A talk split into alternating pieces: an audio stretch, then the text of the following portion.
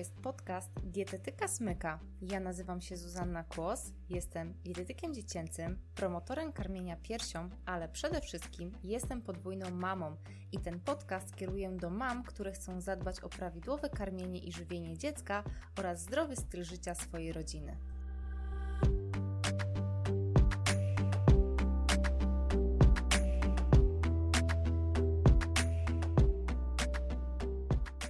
Cześć, witam Cię bardzo serdecznie w 47 odcinku podcastu. Tym razem mam dla Ciebie wyjątkowy wywiad z Marleną Bronhardt-Puchałą, która jest psychologiem dziecięcym oraz pedagogiem. Jest też podwójną mamą i zaprosiłam Marlenę, ponieważ już od dawna chodził mi po głowie taki temat jak jak rozmawiać z dzieckiem o jedzeniu i też przy jedzeniu. Dlaczego? Ponieważ bardzo często zgłaszacie tako, takie pytania, zadajecie mi takie pytania w czasie konsultacji, czy na przykład na mojej grupie przez brzuszek do serca, że troszeczkę nie wiecie, jak rozmawiać z dzieckiem w czasie jedzenia, jak sprawić, aby ono chętniej jadło, co jest absolutnie niedopuszczalne, bo tylko będzie pogłębiało problem. I w tym odcinku usłyszysz odpowiedzi na takie pytania, dlaczego warto jeść dzieckiem, co daje taki wspólny posiłek, jak on powinien wyglądać, mm, na ile ważne jest uczenie dziecka samodzielności w czasie posiłku, dlaczego nie warto wyręczać dziecka i w jakim wieku to jest naprawdę szczególnie ważne. E, jak sobie radzić z takim stresem, kiedy na przykład mamy malutkie dziecko albo niemowlę i chcemy, aby ono jadło samodzielne, samodzielnie większe kawałki, gryzło i boimy się na przykład tego, że sobie zrobi krzywdę, że się zadławi. To tutaj Marlena o tym powiedziała. Jak reagować, kiedy na przykład nasze dziecko jest jeszcze nieporadne i robi totalny armagedon przy posiłku? Czego na przykład nie wolno mówić do dziecka podczas posiłku i jak takie dodawanie łatek, typu na przykład oj, ty mój niejadku, co to robi z dzieckiem, tak? Co, dlaczego to jest po prostu niekorzystne? E, rozmawiałyśmy też o tym, co robić, kiedy dziecko po prostu odmawia posiłku, albo też kiedy cały czas domaga się dokładki, domaga się kolejnego posiłku, dawać czy nie dawać. Bardzo często pytacie mnie w czasie konsultacji, co mówić dziadkom, kiedy nie respektują naszych próśb, na przykład e, a propos dawania słodyczy czy dodawania dokładek i co w takim razie mówić takim dziadkom, i o tym też powiedziała Marlena, a także do czego prowadzi porównywanie dzieci między sobą. Jak to negatywnie wpływa, kiedy mamy dwoje, troje dzieci i jedno dziecko w pewnym sensie faworyzujemy i pokazujemy jako wzór przed rodzeństwem.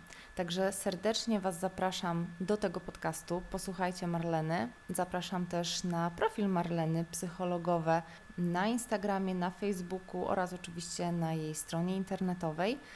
Mm, I zachęcam jeszcze do jednej rzeczy, ponieważ dawno mnie tutaj nie było, nie nagrywałam podcastów, gdzieś tam się uaktywnił e, mój taki perfekcjonizm.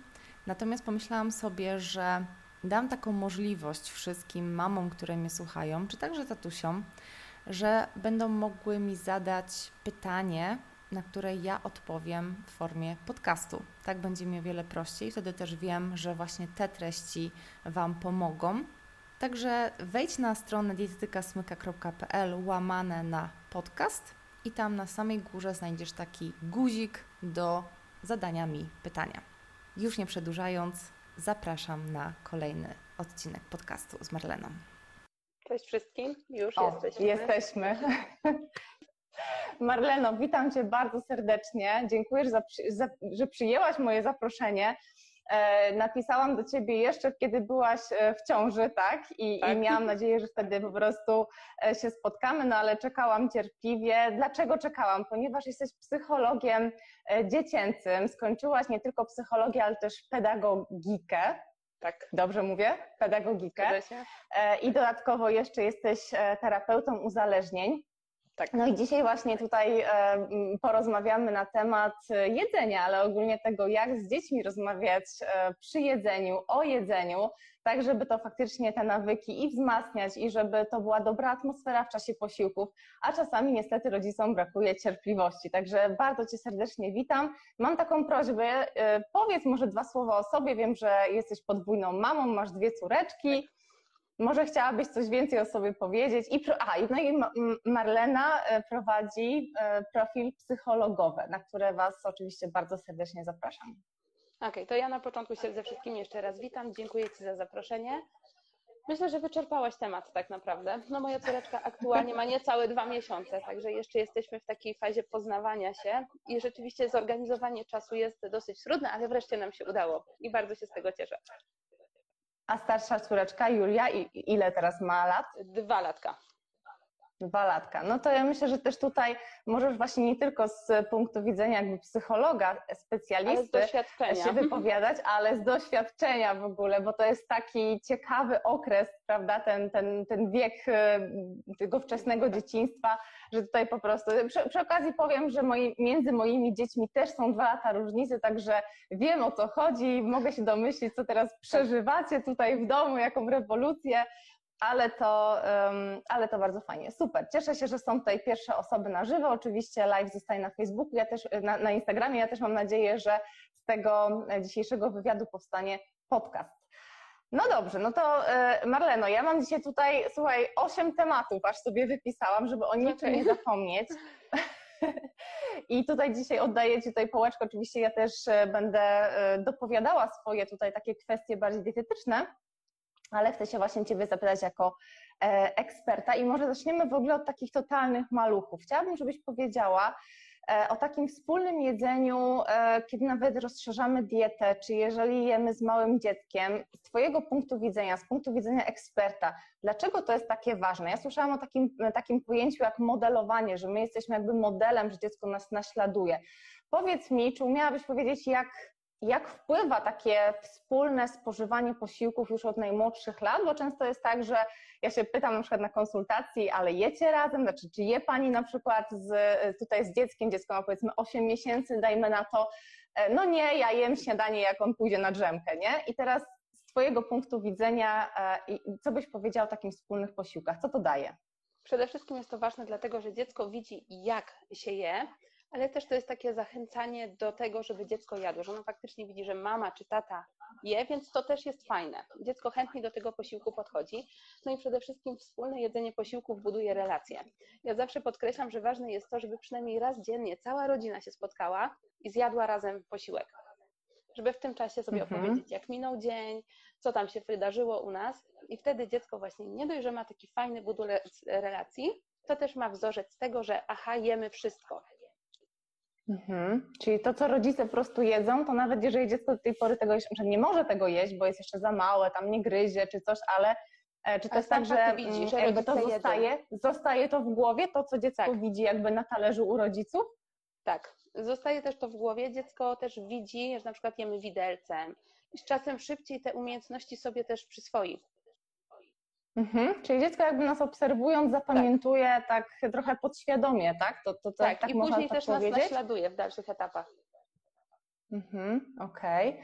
No dobra, a w takim razie mm, powiedz mi na temat takiego wyręczania dzieci, bo często jest tak, że mm, my chcemy jakby, mm, no na początku powiedzmy karmimy dziecko, tak? Jeżeli jeszcze tam sobie nie daje rady, że nie jest samodzielnie, no i są takie osoby, które na przykład e, karmią, że tak powiem, za długo, tak? Jakby nie dają, nie oddają tej pałeczki e, w ręce dziecka, żeby dziecko po prostu samodzielnie jadło.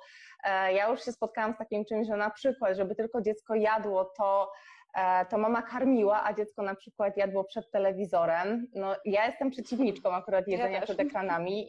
Ty tak samo, no to się tak. bardzo cieszę. Ale powiedz mi, na ile ważne jest uczenie dzieci samodzielności i jakby od jakiego wieku byś tego mm, polecała, byś to polecała, żeby e, po prostu nie wyręczać dzieci? Szczerze mówiąc, jak najwcześniej. Im wcześniej pozwolimy dziecku być samodzielnym, tym szybciej ono tej samodzielności się nauczy, a to też wpływa na jego poczucie własnej wartości.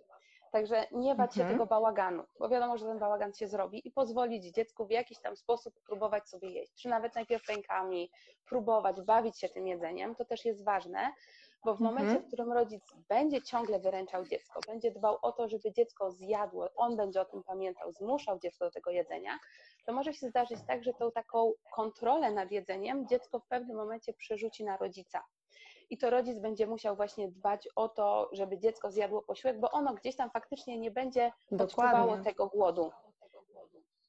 Mhm.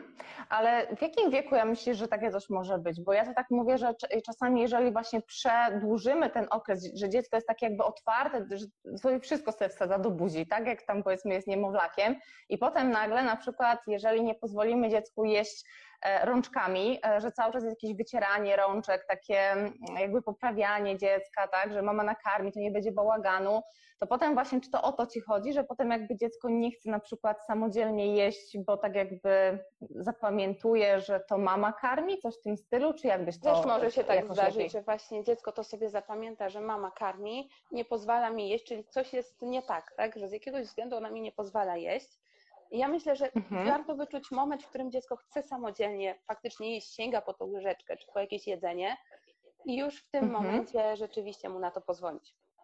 Też tak samo mhm. jak rozszerzamy dietą BLW, to od razu dziecku dajemy na talerzyku. Także nie mhm. podsuwać mu tego, tylko faktycznie pozwolić, żeby ono sobie w tym jedzeniu grzebało i wybierało to, co chce sobie zjeść. I u Was tak faktycznie to wyglądało z Julią? Tak, u nas faktycznie tak to było. Bałaganu był ogrom ale udało się i faktycznie córka je wszystko to, co my. Mhm. A to w takim razie powiedz mi, bo tutaj akurat troszeczkę zboczymy z tematu jakby z dziecka, troszeczkę na mamę, e, bo to też myślę, że może być taki tutaj e, ciekawy Twój głos eksperta. Jeżeli mama się boi podawać na przykład większe kawałki, na przykład tą metodą BLW, ze względu na to, że dziecko zaraz się, wiesz, udusi, nie? Po prostu na pewno sobie z tym nie poradzi. I teraz może tak inaczej od innej strony, co byś mogła powiedzieć mamom mm, z Twojego punktu widzenia, skoro u Was też to było to BLW, żeby trochę, mm, jakby to powiedzieć, odpuściły tą kontrolę, jakby zaufały, że dziecko sobie e, no, nie zrobi krzywdy. Bo ja też zaraz oczywiście dopowiem z punktu widzenia dietetycznego, ale może Ty coś powiesz, jak sobie poradzić z takim to nie tylko nawet jeżeli chodzi o jedzenie, ale z takim trochę odpuszczeniem kontroli, kiedy my się stresujemy e, po prostu przy jedzeniu i przenosimy swoje emocje niestety na dziecko. Tak jest, czy tak nie jest? Tak jest. I to jest właśnie bardzo trudne, żeby sobie gdzieś tam odpuścić tą troskę o dziecko, zwłaszcza to jest przy pierwszym dziecku, mam takie wrażenie. I mhm. też trzeba się odważyć. Oczywiście być przy dziecku, kiedy ono je, ale nie bać się. Dać dziecku takie poczucie, że ono jest kompetentne, zaufać w to, że dziecko rzeczywiście ma te kompetencje, żeby samodzielnie jeść, nawet jeżeli te kawałki są większe. Mhm. I tu jest taka duża praca właśnie rodziców, żeby oni przezwyciężali te swoje lęki.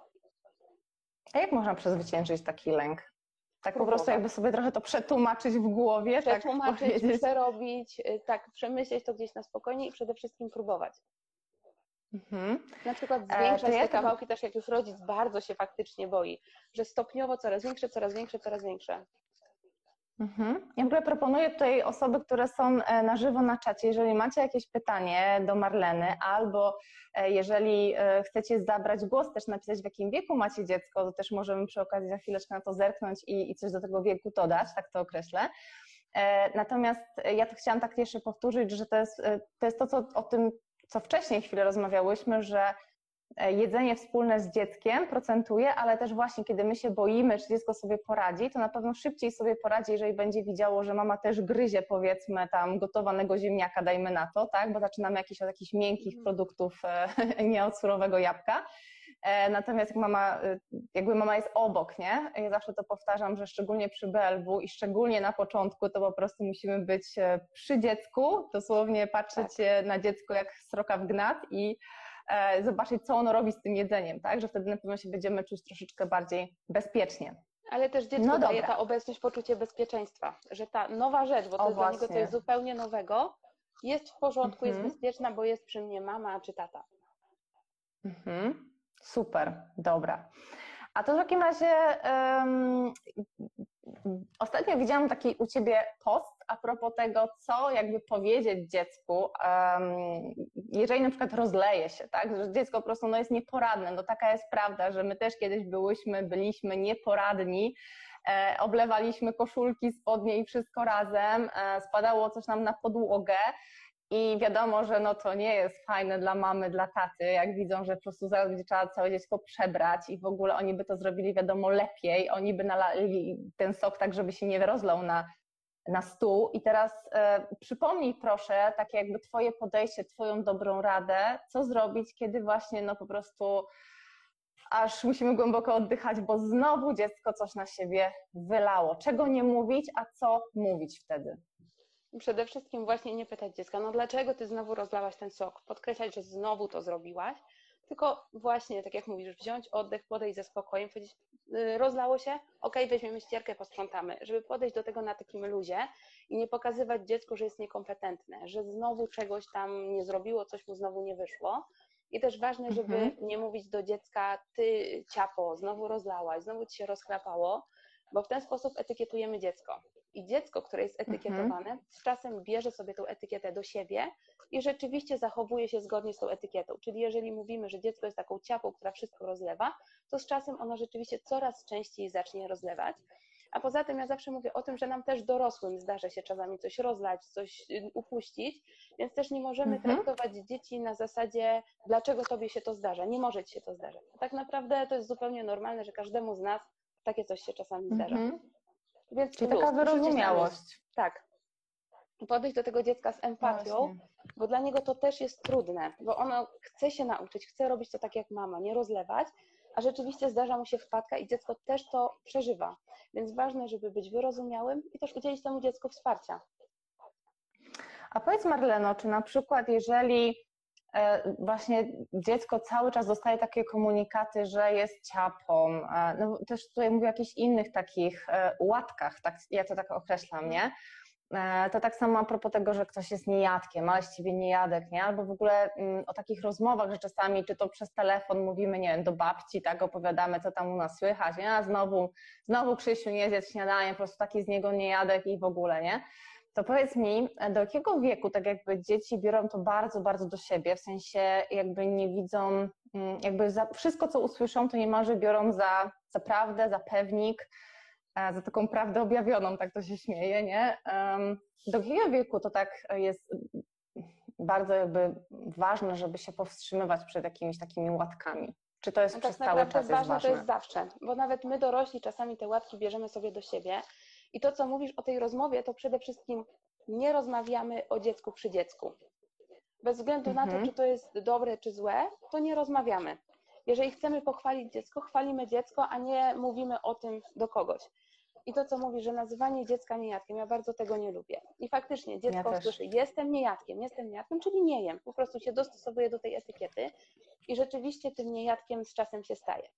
I jeszcze tutaj jest taka mhm. kwestia, że często tymi niejadkami nazywa się dzieci między drugim a piątym rokiem życia, a tak naprawdę to, to, że one nie jedzą, jest zupełnie naturalne, wynika z procesów rozwoju i dlatego wszystkim wokół, zwłaszcza babciom będzie to trudno wytłumaczyć, ale trzeba mówić, że to jest zupełnie normalne, że dzieci w tym okresie mają taką jakąś swoją niechęć do jedzenia. I ważne, żeby właśnie w tym czasie nie mhm. mówić, jesteś niejadkiem, no znowu nie jesz, no dlaczego ty nie jesz? Ważne, żeby odpuścić po mhm. prostu w tym momencie. Mhm.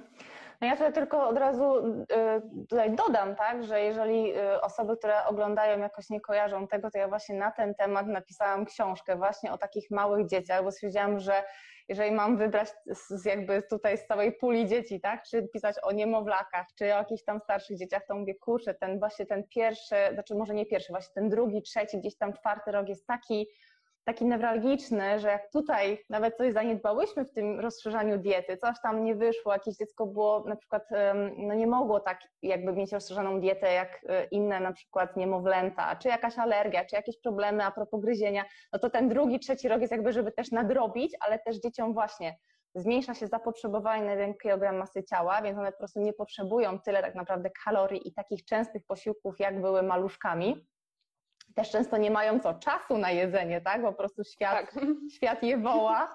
E, I myślę, że takie babcie czasami chyba zapominają o tym, jak one same miały dzieci. E, coś tam im się jeszcze kojarzy, tak? Że, że może nie było zbyt fajnie, ale e, teraz nagle się wydaje, że co, jak dziecko nie zje, to, to nie wiem, zasłabnie, przewróci się na placu zabaw, tak?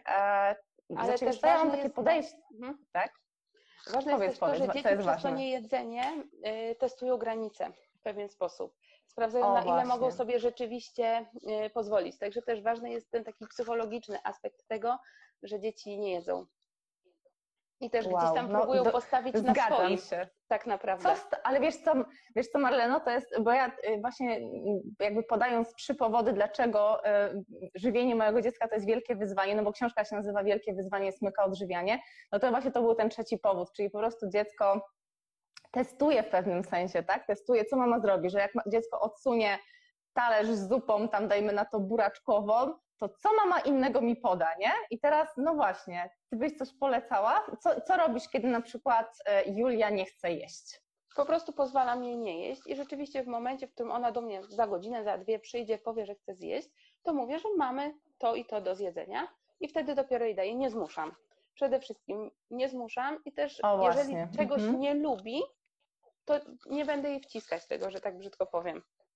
Po prostu mhm. daję możliwość, że masz prawo czegoś nie lubić i to jest okej. Okay.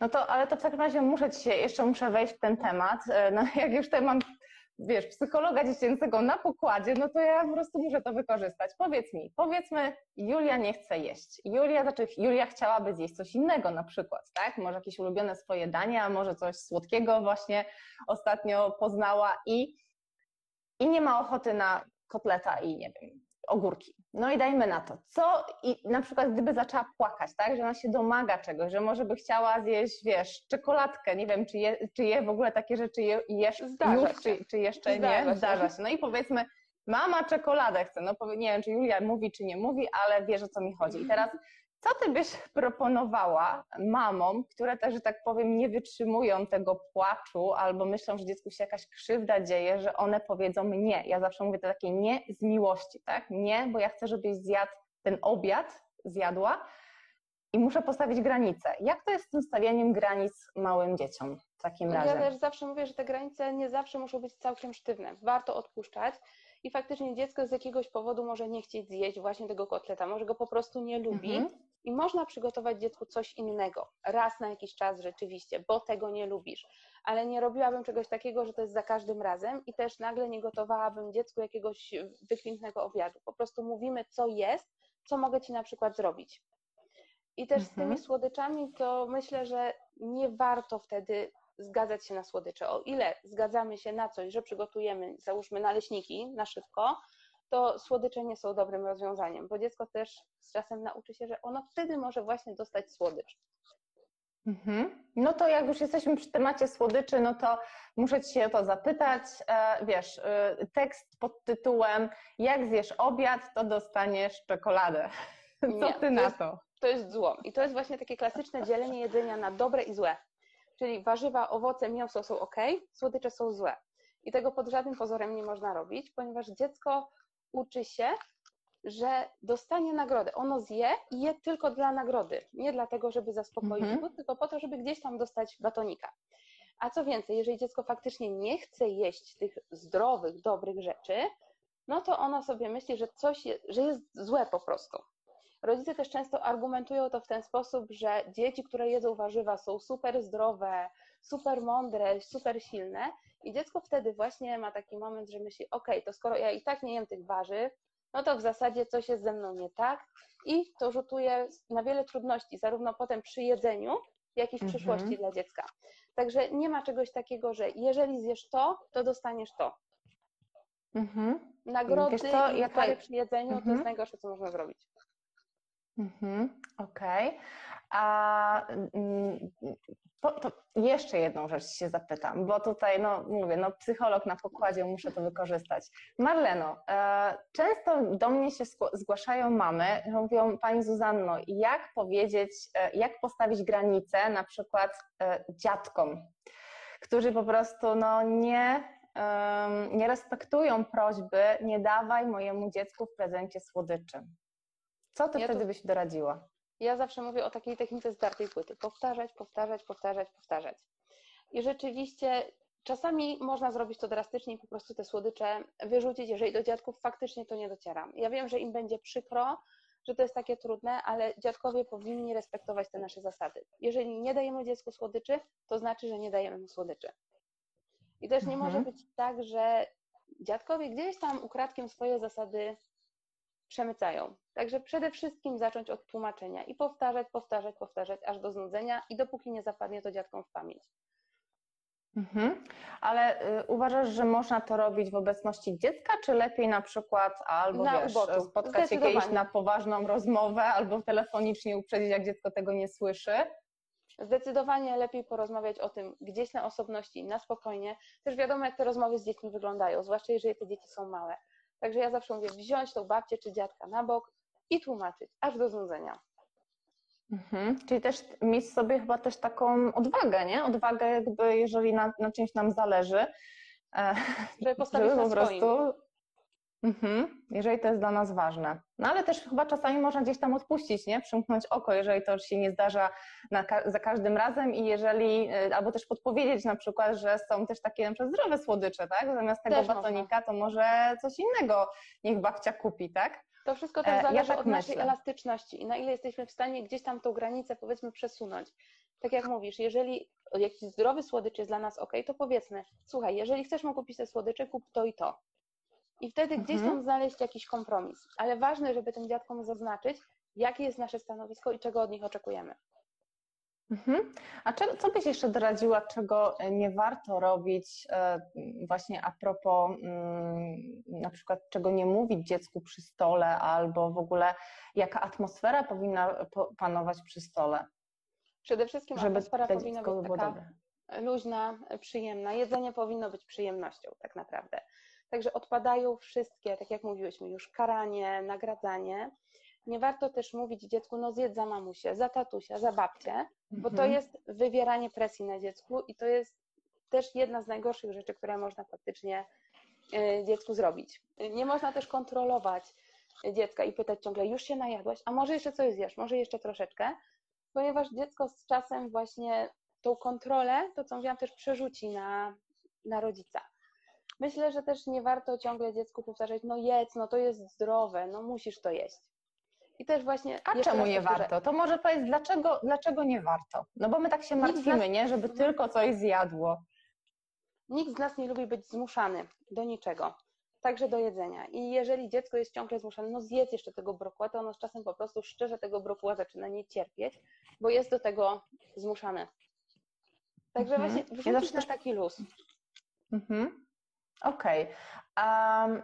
myślę, że się ze mną zgodzi, że też chodzi o to, że mm, jak my jesteśmy tym modelem, jakby my jemy, możemy się na przykład zachwycać tym jedzeniem, że mówić, że na przykład o Boże, ale ten brokuł, znaczy o Boże, niepotrzebnie, niepotrzebnie Boga do tego może mieszam, ale jakie to pyszne, tak? Jakie po prostu, jakie to jest smaczne e, i dziecko jakby osłuchując z tym, z tym, że, że nam coś smakuje, może stwierdzić faktycznie, że to spróbuje, tak? Że jakby to przyjdzie z czasem. Ja też zawsze powtarzam, że to nie jest tak, że dziecko musi jeść brokuła, tak? Że, że nie, że jak nie będzie jadło brokuła, to nagle, nie wiem, jakieś choroby się pojawią, tak? Że te same składniki, co są w brokułach, są też w innych produktach, więc jakby też szukać może w ogóle y, przepisu lepszego na te brokuły, żeby nie męczyć dziecko cały czas tym brokułem tam powiedzmy na parze gotowanym, mhm. tylko może poszukać czegoś z tym brokułem, co by y, mu zasmakowało. Ale wiesz co, jeszcze powiedziałaś i to tak przemknęło, rozmawiają, się do tego wrócić, o karaniu. I teraz chodzi mi o taką sytuację, że na przykład dziecko się źle zachowuje. Tak? No dzieci po prostu czasami niewłaściwie, o może tak, niewłaściwie, może źle coś tak nie, nie powinno mówić, nie wiem. Natomiast niewłaściwie się zachowuje. Nie lubię słowa niegrzeczne, nie, nie, nie lubię tego słowa. E, to już chyba ja większość rodziców słysz, słyszało o tym, że to właśnie to niegrzeczne jest takie trochę niefajnym określeniem. E, natomiast niewłaściwie. I teraz my mówimy tak, za karę nie dostaniesz dzisiaj słodyczy, czy tam coś w tym stylu, tak? Że za karę nie pójdziemy na lody, czy coś w tym stylu. Czy to jest ok, czy to nie jest ok? Chyba nie jest ok. Jak to nie jest z okay. Twojej perspektywy wygląda? Ja zawsze mówię, że nie karanie, a konsekwencje. Czyli pozwolić dziecku ponosić konsekwencje, które naturalnie wynikają z jego zachowania. I w ogóle to wszystko, właśnie to jest stawianie tych na przykład lodów, że zachowujesz się dobrze, tak jak mi się podoba, dostaniesz lody. A to nie powinno tak być.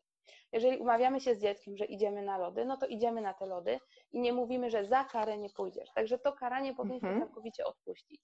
Jeżeli dziecko mhm. zachowuje się rzeczywiście niezgodnie z naszymi oczekiwaniami, to mówimy, tłumaczymy, słuchaj, nie podoba mi się Twoje zachowanie, bo zrobiłaś to i to.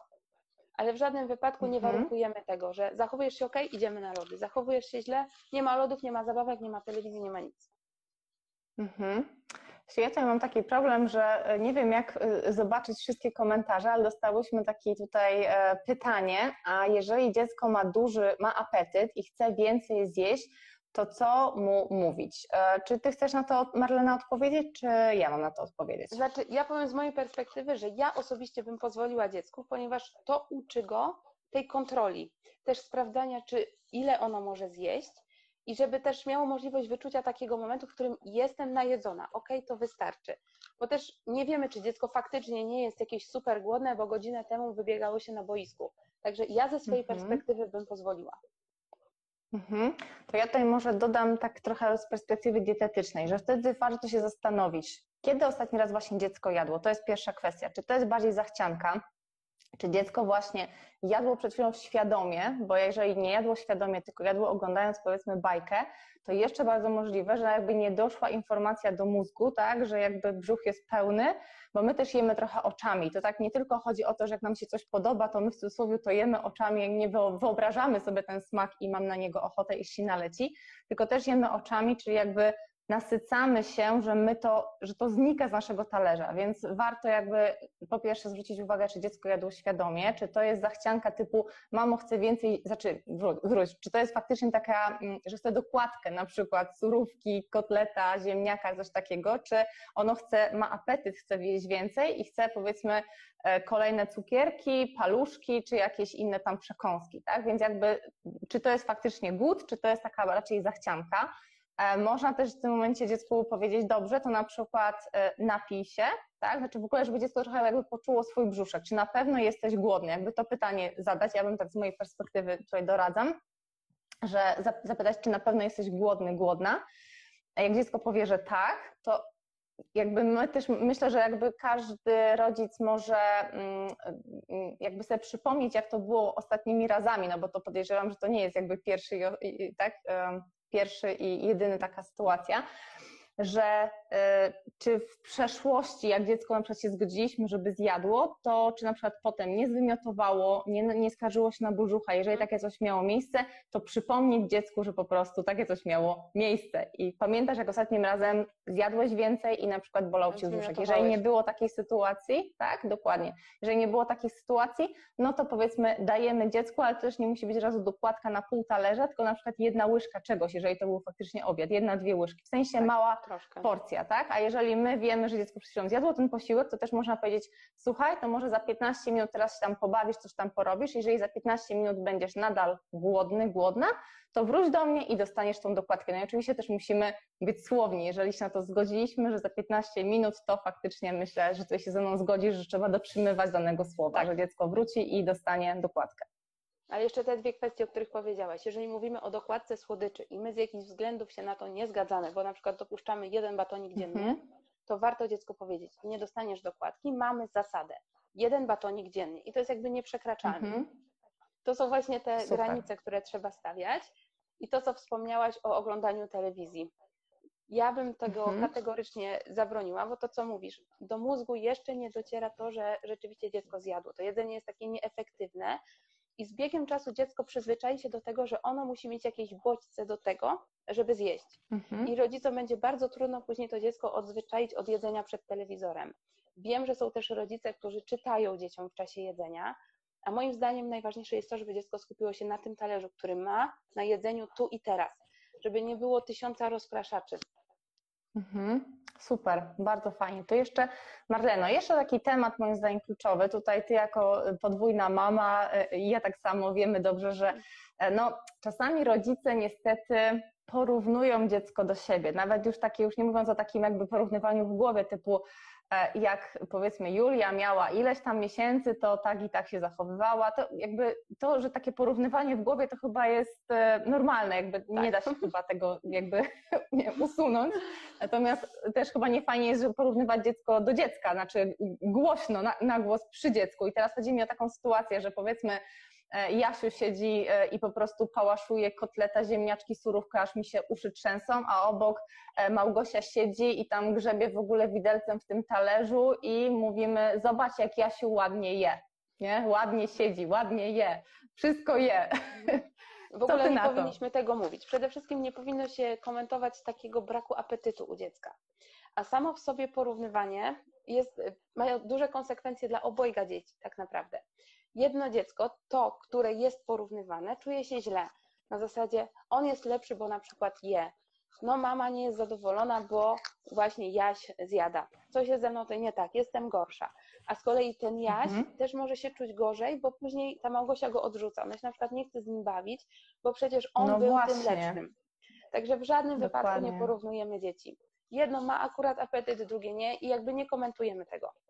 Mhm, to jest bardzo ważne to, co powiedziałaś. Czyli, ale powiedz, czy to tak jest, że wtedy jakby robi się, no nie wiem, jakby złość, że e, dziecko przeciwko dziecku może mm, czuć taką złość, bo jak? Bo, bo co wtedy może odczuwać jakby taki oprócz złości? Że jest gorsze właśnie, tak? Tak. Że nie wiem, może mama, tata bardziej kochają tamto, tak. bo tamto je, tak, dokładnie. I to dziecko czuje się też gdzieś w pewnym momencie odrzucone. Może tak być. To może wywołać wśród dzieci taką rywalizację, która naprawdę może doprowadzić nawet do agresji. Także zarówno o. przy jedzeniu, jak i przy każdej innej sytuacji nie porównujemy. Bo to ma konsekwencje, tak jak już mówiłam, dla obu stron. Mhm. Ale to wiesz co, Marlena, jeszcze Ci się zapytam o jedną rzecz, bo tak teraz sobie pomyślałam, że jeżeli na przykład jedno dziecko świetnie je, drugie kiepsko je, i jeszcze z czegoś to wynika, z jakichś, jakichś problemów emocjonalnych w danym momencie, tak? Bo na przykład jak mamy jakieś problemy, to też jakby to się odbija często na apetycie, tak? Że mhm. mamy ściśnięty żołądek, to różne sytuacje. No i teraz jeżeli, e, czy, czy zgodzisz się też w tym sensie ze mną, że z niektórych zaburzeń jakby one się mogą pogłębić i na przykład y, mogą, może dziecko zacząć wpadać na przykład w anoreksję, ale biorąc pod uwagę to, że na przykład, ja, znaczy to, co ja słyszałam, że anoreksja może być też zaburzeniem takim, kiedy za dużą kontrolę my mamy nad dzieckiem, chcemy mieć nad dzieckiem i ono wie, że jakby ograniczając swoje posiłki, w ogóle jakby nie jedząc, po pierwsze zwraca uwagę na siebie, że my zaczynamy... Mm, no właśnie jakby na tyle jest za mało tej uwagi takiej pozytywnej wokół dziecka, że ono myśli, że jak na przykład przestanie jeść, to tak nas zmartwi, że my zaczniemy się na nim koncentrować. Czy to potwierdza gdzieś tam psychologia z tego, co, co ty wiesz, że. Oczywiście to może mieć wpływ, ale też może mieć to takie mm, zachowanie na zasadzie nie poddam się tej kontroli z jednej strony mam na przykład mamę, która kontroluje, ale z drugiej strony ja pokażę, że tak mhm. tak naprawdę nie możesz mnie kontrolować, bo nie jesteś w stanie tego zrobić i ja nie będę jadła, skoro tak sobie postanowiłam. Jeżeli za każdym mhm. razem, że jeżeli cokolwiek w zachowaniu dziecka nas niepokoi, to zawsze warto to skonsultować. Bo czasami, że dziecko nie chce jeść, to może też wynikać z neofobii żywieniowej z kolei. Także też warto mhm. gdzieś tam to skonsultować z psychologiem, czy tak właśnie z dietetykiem, i wtedy mhm. ewentualnie podejmować dalsze kroki. Też, żeby nie zostawiać tego niejedzenia samemu sobie. Mhm. Marleno, u Ciebie można się zgłosić na konsultacje. Dzisiaj wchodziłam na stronę, więc wiem, że po prostu e, udzielasz takich mhm. E, konsultacji. E, trwają one, z tego co wiem, to godzinę, tak? Tak, mm, dokładnie tak. Mniej więcej. I z jakimi w ogóle też, powiedzmy, problemami albo wątpliwościami zgłaszają się do Ciebie mamy, czy, czy mogą się zgłaszać, gdyby chciały właśnie z Tobą współpracować? Znaczy szczerze powiem, że mało się do mnie zgłaszam mam z takimi typowo żywieniowymi problemami. Mhm. Najczęściej to są takie kwestie związane z przeżywaniem przez dziecko emocji, z jakimiś y, trudnymi sytuacjami.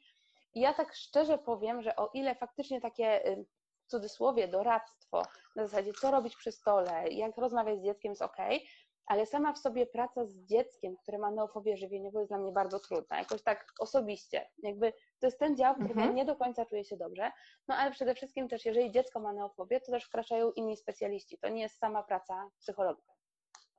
Dokładnie. Ja zapraszam, jeżeli są tutaj mamy, które, które się martwią, jak tutaj zrobić, żeby dziecko próbowało nowych, nowych potraw, to oczywiście ja zapraszam, tak? Można też e, do innych dietetyków się zgłaszać. E, ale jeżeli właśnie na przykład potrzebujemy takiego, porozmawiać z psychologiem, bo nie rozumiemy trochę może zachowań dziecka, to do Ciebie można Jak się... najbardziej można się zgłosić. Zgłaszać, super.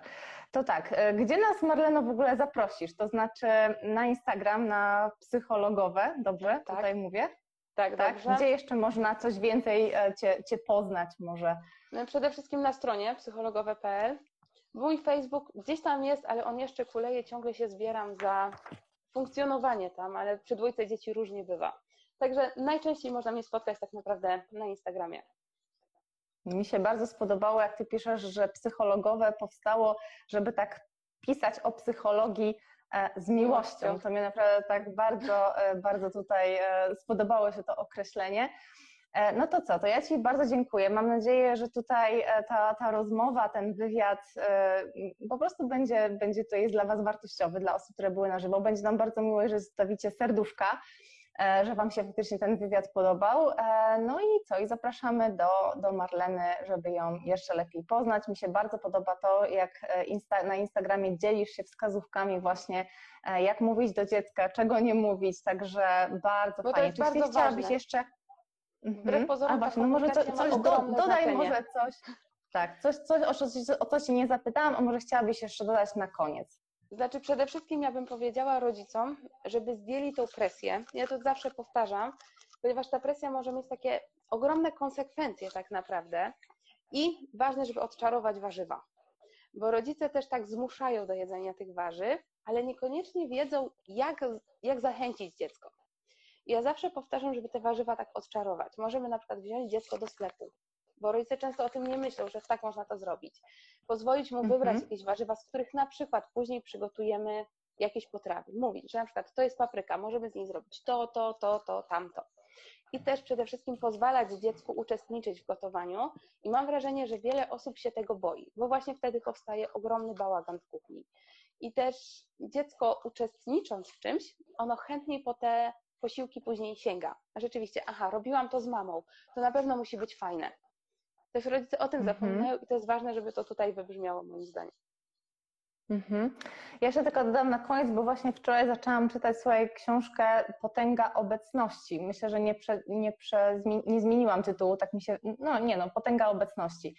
E, bardzo fajna książka, przy okazji mogę Wam polecić osobom, które są tutaj na, na live. Nie wiem, czy czytałaś tą książkę, czy nie? nie Właśnie o nie. obecności, e, żeby być blisko dziecka. No szkoda, że jej tutaj nie mam ze sobą, bym pokazała okładkę ale też ostatnio pokazałam na, na relacji zielona okładka, jakieś tam kalosze, żółty chyba parasol, ale o tym właśnie, żeby być blisko dziecka, e, e, że nawet wiadomo, że musimy ugotować, no musimy wiele rzeczy takich domowych zrobić, nie możemy się non stop powiedzmy zbawić z dzieckiem, ale też też czas na przykład w kuchni, kiedy coś razem robimy, myjemy, rwiemy sałatę, e, mieszamy w ogóle, żeby zachęcać dziecko do takiej pomocy, prawda, żeby to nie było, tak, a ja zrobię lepiej, nie? zostaw tutaj, nie, nie wchodź mi pod nogi, tak, nie, nie, nie, nie kręć mi się tutaj pod nogami i tak dalej. Jasne, oczywiście oczywiście mówić o bezpieczeństwie, żeby tutaj dziecko się tam nie poparzyło czymś, nie zrobiło sobie krzywdy w kuchni, ale ja myślę, że to będzie procentowało e, na lata i też ten czas spędzony w kuchni po prostu może nawet zostanie gdzieś tam w bardzo dobrych wspomnieniach dziecka. Także no tak, moja córka bardzo lubi ze mną gotować akurat,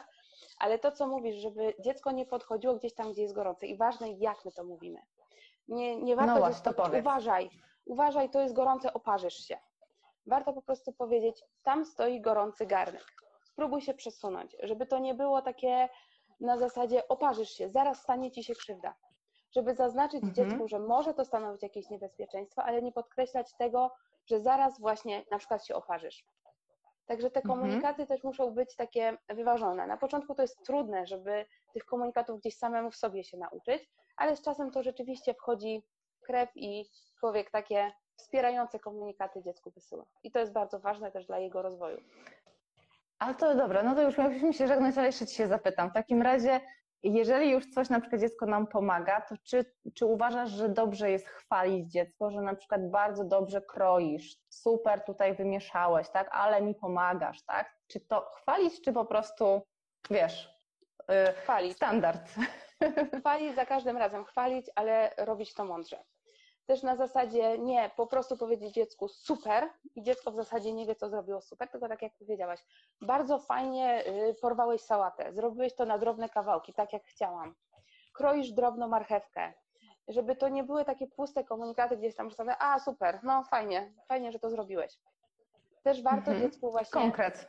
Tak, konkret. I opisywać to, co widzimy. Widzę, że kroisz marchewkę. I jakby na tym można zachęcić, y, zakończyć i to też jest dla dziecka pochwała Ważne, żebyśmy widzieli, co dziecko robi, że nam pomaga i też docenić to. Właśnie dziękuję Ci za pomoc. Bardzo mi pomogłeś chrojąc te warzywa. Żeby też dziecko poczuło mhm. się ważne, poczuło się kompetentne. Także chwalić zawsze, kiedy się da, tylko robić to mądrze. To chyba taką odporność psychiczną i takie poczucie własnej wartości nawet wzmacnia, tak. tak? Jeżeli słyszymy takie dobre komunikaty, to tak trochę rośniemy w oczach, nie? To tak każdy, jak usłyszy, zawsze każdy chce usłyszeć o sobie coś miłego. Jak najwięcej tak miłych słów, tak. Ale zdecydowanie bardziej oddziałuje na nas taka szczera pochwała. Faktycznie, jeżeli chcemy chwalić, to róbmy to, ale szczerze, a nie na zasadzie takiego chwalę Cię, bo w zasadzie wiem, że powinno się gdzieś tam dzieci chwalić.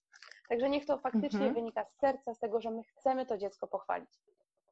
Mhm, to jest bardzo ważne, to co powiedziałaś. Super. No mam nadzieję, że tutaj mamy, które są, czy może też tatusiowie, wezmą sobie te Twoje e, bardzo dobre rady tutaj do serca i te posiłki z dziećmi będą e, po pierwsze spokojniejsze, będą w ogóle takim przyjemnym czasem, żeby się czasami zatrzymać, tak? tak. Właśnie wyłączyć telewizor, no, podobno jest tak, że jeżeli my w czasie posiłków, kiedy dziecko jest małe, oglądamy na przykład telewizor, czy przyglądamy komórkę, tak, bo tam coś musimy sprawdzić, bo właśnie chociażby Instagram czy coś, to dziecko też to może za, jednak gdzieś tam sobie zanotować w głowie i kiedy ono już będzie miało dostęp do takiej komórki za parę lat, czy to zamiast z nami pogadać, na przykład jak tam opowiedzieć mamie, jak tam było w szkole na przykład, czy, czy w ogóle w jego życiu, co tam słychać, to po prostu będzie e, szumiał telewizor i dziecko będzie przyglądało komórkę. Także myślę, że też tutaj ważne jest, żeby już od najmłodszych lat pokazywać, e, jak my mm, podchodzimy w ogóle do wspólnych posiłków i że dla nas to jest po prostu ważne, żeby. Tak. I tak jak ja mówiłam na początku, wtedy. to ma być taki czas dla rodziny. Chociażby to był właśnie ten jeden posiłek, ale gromadzimy się wszyscy, bez wyjątku. U jednych to będzie śniadanie, u nas to jest właśnie śniadanie, kiedy my faktycznie możemy być wszyscy. Mhm. I rozmawiamy o tym, na przykład co planujemy, tak? Ewentualnie jak tam minął nam wczorajszy dzień, co się działo, Mhm. Ważne, żeby to było takie rodzinne spotkanie. I absolutnie jestem przeciwniczką telewizora, który gdzieś tam w domu jest takim tłem do życia rodzinnego. Bez względu na to, czy chodzi mhm. o jedzenie, czy chodzi o zabawę z dzieckiem. Jest czas na oglądanie mhm. telewizji i to jest ileś tam czasu w ciągu dnia, ale on nie może być takim tłem, bo właśnie to, co mówisz, dziecko potem będzie to powtarzać i zamiast my porozmawiać z dzieckiem, tak faktycznie zaangażowaną rozmowę stworzyć, to dziecko gdzieś tam zerka, a bo tu jest telewizor, bo tu mi widzę dzwoni telefon jakby poświęcić chwilę, odsunąć wszystko, jesteśmy tu i teraz z rodziną, na przykład na kolacji. No, posiłki w ogóle zbliżają, to, to, to po pierwsze, tak. też trwają, trwają krótko, więc tutaj nie jest problemem chyba, żeby po prostu na tą chwilę, na te 5-10 minut wszystko powyłączać i być tylko e, w dwójkę, w trójkę, w czwórkę przy stole ze sobą razem. Marlena, bardzo Ci dziękuję, że znalazłaś tutaj ja czas, mimo dziękuję. tego, że że Alicja jest taka malutka i, i tutaj um, bardzo się cieszę, bardzo Ci dziękuję. Tata My będziemy się żegnać. też potrzebuje czasu córką. Oczywiście, dokładnie. Ja mam nadzieję, że tutaj dobrze zakończę tego live'a. E, trzeba po prostu chyba tutaj kliknąć, tak, że, że to jest koniec i tak. Um, no właśnie, i tutaj będę kończyła. Dobra, ja również Ci dziękuję za zaproszenie i oczywiście zachęcam pa, wszystkich, żeby spojrzeli na Twojego e-booka, bo to też jest bardzo ważne. O, a nawet książkę, bo można albo książkę, Można. albo e-booka Jestem zwolenniczką e-booków, także... wiesz, i z automatu są zakodowany e-book. Ale właśnie, każdy, dlatego jest taka i taka forma, dla kogo jest wygodniej, tak jest wygodniej. Także tak dziękujemy jest. bardzo. Do zobaczenia dziękujemy. na Instagramie Do zobaczenia, ponownie. Pa. Dziękuję Ci za wysłuchanie mojego podcastu. Wszystkie linki oraz materiały, o których była mowa, znajdziesz w opisie tego odcinka na mojej stronie www.dietetykasmyka.pl. Już teraz wejdź na moją stronę, przejrzyj bloga, przepisy oraz inne podcasty. Zachęcam Cię także do zasubskrybowania mojego podcastu w jednej z bezpłatnych aplikacji, np. Spotify, iTunes, podcasty Google, dodania pozytywnej opinii oraz słuchania kolejnych odcinków. Cześć!